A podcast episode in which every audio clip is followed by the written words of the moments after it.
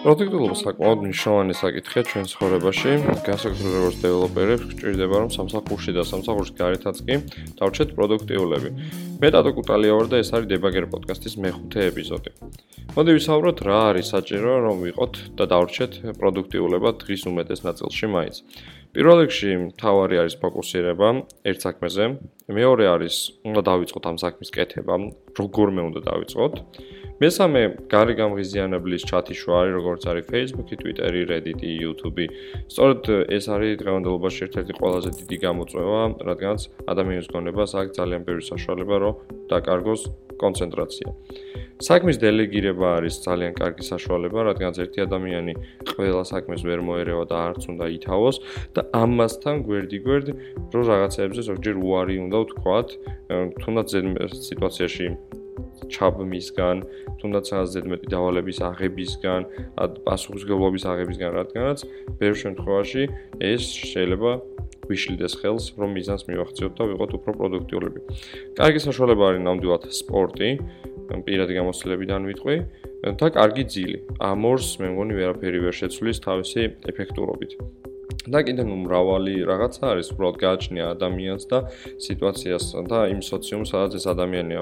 წლების განმავლობაში ადამიანმა თვითონ უნდა იკვლიოს, რა მუშაობს, მისთვის რა არ მუშაობს და სწორედ ამაზე დამოკიდებულებით შემდგომ ჩამოაყალიბოს საბოლოოდ თავისი პროდუქტიულობის წარმატებული ფორმულა.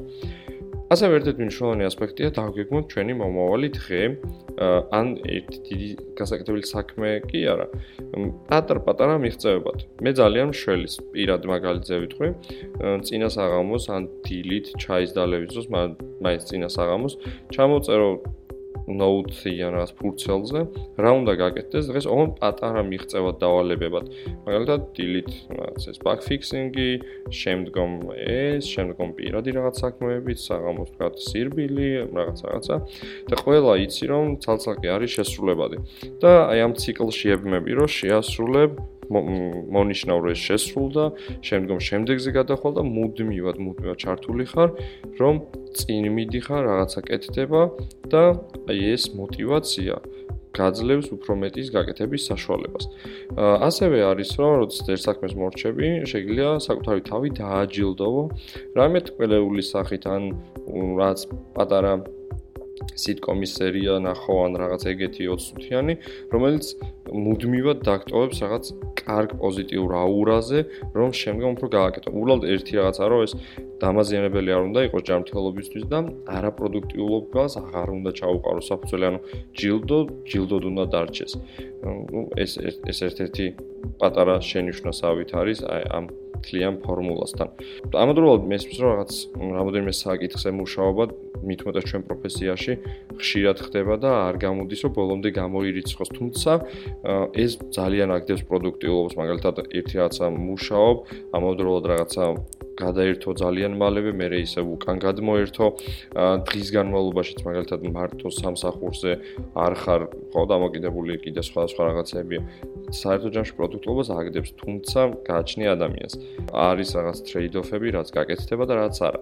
ზოგადად ეს პროდუქტულობის რჩევები თითქმის ყველა პოდკასტსა და სტატიაში შეგვხვდება ყველგან. და აგერ ჩემი 2 ცენტიც ეს არის. ამ საკითხით მუდმივად ვარ დაინტერესებული, რადგან მე თვითონ ხშირად პრობლემა მაქვს პროდუქტულობასთან და რადგანაც არ მიყვას ერთი რაღაცის კეთება და მთელი დღე გადანაწილებული მაქვს რამოდენიმე განსხვავებული რაღაცის საკეთებლად, რათა დამტოვოს სულ ტონუსში და ახალ-ახალი რაღაცები გავაკეთო. ამ პროდუქტულობის რჩევებს შორის ერთ-ერთი ყველაზე ცნობილი არის პამიდორის ტექნიკა. დროის მართვის ტექნიკა, რომელსაც საფუძველი ჩაეყარა 80-იან წლებში ფრანჩესკო სირილიოს მიერ. ეს ტექნიკა ყველასთვის ცნობილია, მე მგონი, მაგრამ მაინც ვიტყვი, რომ 25 წუთიან ინტერვალებად ყოფს შენ სამუშაოს და მცირე შესუნება არის თვითონ 25 წუთის შემდგომ. თვითონ ინტერვალი ნიშნავს ერთ პამიდორს. შაგონება იქიდან წამოვიდა, რომ სამზარეულოს ტაიმერი, რომელსაც ფრანჩესკო იყენებდა, ქონდა პამიდორის ფორმა და 25 წუთიანი ტაიმერი.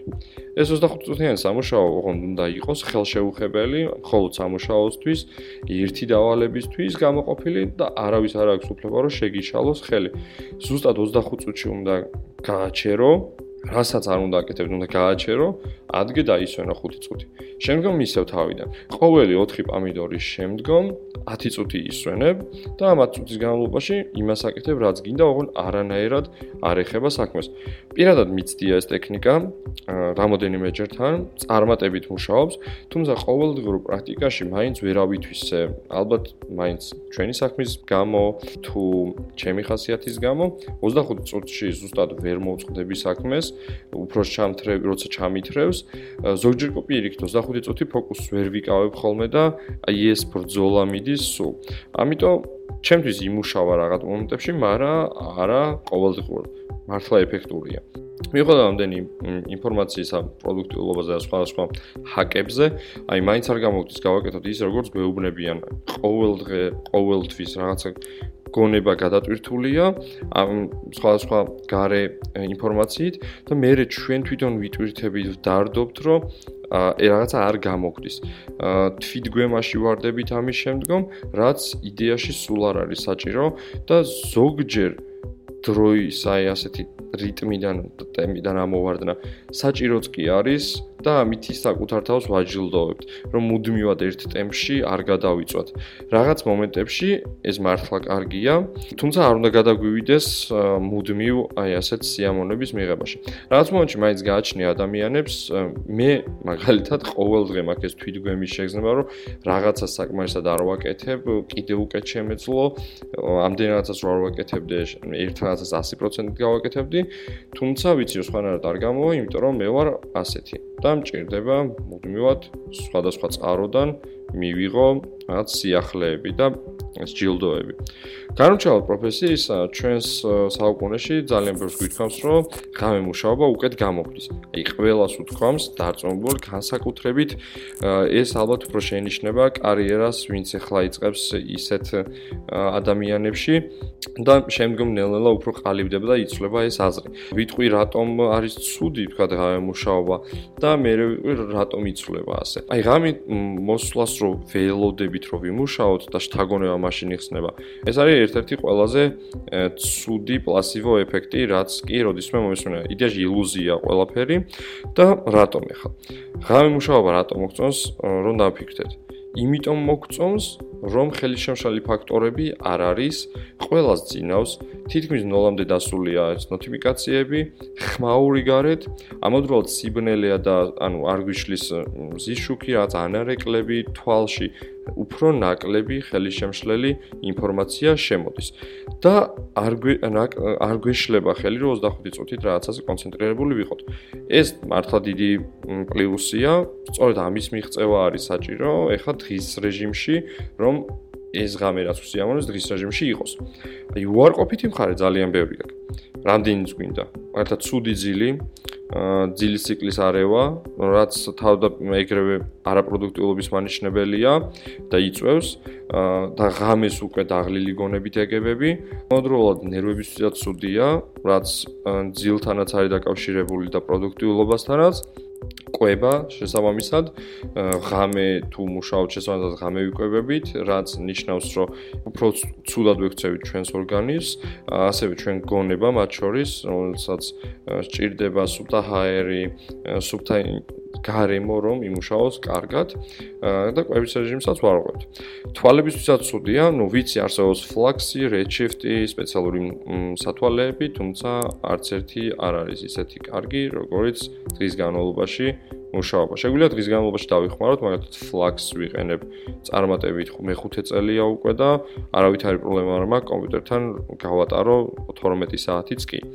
საერთოდ ჯამში უარყოფითი მხარე ძალიან ბევრი აქვს ხამის გათენებას და ხამის მუშაობას, რაც დღისით თითქმის გამორიცხული არის.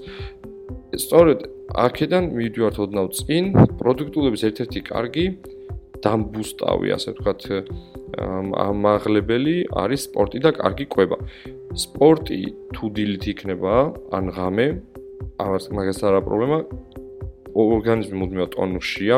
ორგანიზმის ტონუსი, სისხლის ცირკულაცია ნიშნავს, რომ ტვინიც უკეთ მუშაობს, ნიშნავს, რომ საკუთარი თავის დაჯილდოებისთვის უფრო მეტი საშუალება გაქვს, ასევე ნიშნავს, რომ შენ შეგიძლია უფრო მეტად მართო შენი თავი და მიიღო მეტი სიამოვნება სხვადასხვა ძალიან ჩვეულებრივი მოვლენებისა, რაც ჩვენს ირგვლივ ხდება. და კარგი კვება. კარგი კვება ისევ მიდის პროდუქტიულობასთან, უფრო მეტი ვიტამინია ორგანიზმში და უფრო მეტი ხანი შეგვიძლია ფოკუსი დავიჭიროთ და ვიფიქროთ ერთ კონკრეტულ საკითხზე, კონცენტრაციაზე ვსაუბრობ. პირად მაგალითზე ვიტყვი, მას სხვა ეპიზოდებში მე კიდე მინდა ეს თემა უკეთესად გავშალო, მაგრამ ჯანს აღძილს 8-7 საათიან ძილს და სწორ დროს, მაგალითად 12-დან 7-მდე პერიოდში მხოლოდ სპორტს და ყვებას არაფერი არ ჯობს, არც ერთი გათენებული ღამე არ ჯობს და არანაირი საკითხი რაც ღამე შეიძლება გააკეთო პროგრამისტმა, ისეთი არ არის, რაც დღის განმავლობაში არ გაკეთდება. ყველანაირად ვცდილობ, რომ ავარიდო თავი ღამე ოდნავ გათენებას მაინც, ან რაღაც გადაცილებას, რადგან დილით გათენებისთანავე პოზიტიური გონებით მინდა შევხვდეთ დღეს და საქმეებს და ეს მართლა მუშაობს. მე თვითონ ღამე ვმუშაობდი ადრე, დამატებით პროექტებს ვმუშაობდი და შემდგომ მივხვდი რომ არა, არ ღირს არაფერი ასეთი რაც გაკეთება, იმიტომ რომ დღის განმავლობაში ვნებ საკუთარ თავს. სწორედ ამიტომ არის რომ ვინც დიდი ხანი არის კარიერაში, თავის თავს იკვლევს life hacking-ზე, არის დამოკიდებული biohacking-ზე, ესმის რა ძვირფასი არის დღის განმავლობაში გატარებული საათები და ჯანსაღის ხეული პროდუქტიული საქმის გასაკეთებლად. და ამიტომ ღამის გამთენებელთა რაოდენობა ნელ-ნელა ნელა იკლებს კარიერაში დასთან და მე უფრო მეტ გატარებულ წლებთან ერთად. მუსიკა სპეციალურად არ ვეხები ხა, რადგან ძალიან ბევრისთვის ეს არის პირდაპირ დოპინგი, მათ შორის ჩემთვისაც და ზოგს ხელს უშლის, თუმცა ეს მუსიკა სრულიად პერსონალური პრეფერენცია. მუსიკა ველოსპორტშიც კი აკრძალულია, რადგან პირდაპირ დოპინგის ეფექტივით მოქმედებს, კვლევების შემდეგ დაადასტურეს, ასე რომ როგორც გინდათ, ისე ყოველას შეგიძლიათ მუსიკას უსმინოთ. ეს იყო სულ დღეისთვის პროდუქტულობის შესახებ რამოდენიმე რჩევა, ჩემ ხრივ. აი ეს თემა კიდე შეგხვდება მომავალში. მინდა live hacking-ზე რაღაცები კიდევ ჩავწერო. უფრო კარგად ვისაუბრო growth mindset-ის შესახებ, რამოდენიმე ორნაწილიან პოდკასტის ეპიზოდად მაინც. სულ ეს იყო. დიდი მადლობა ყურადღებისთვის. შევხვდებით შემდეგ ეპიზოდში.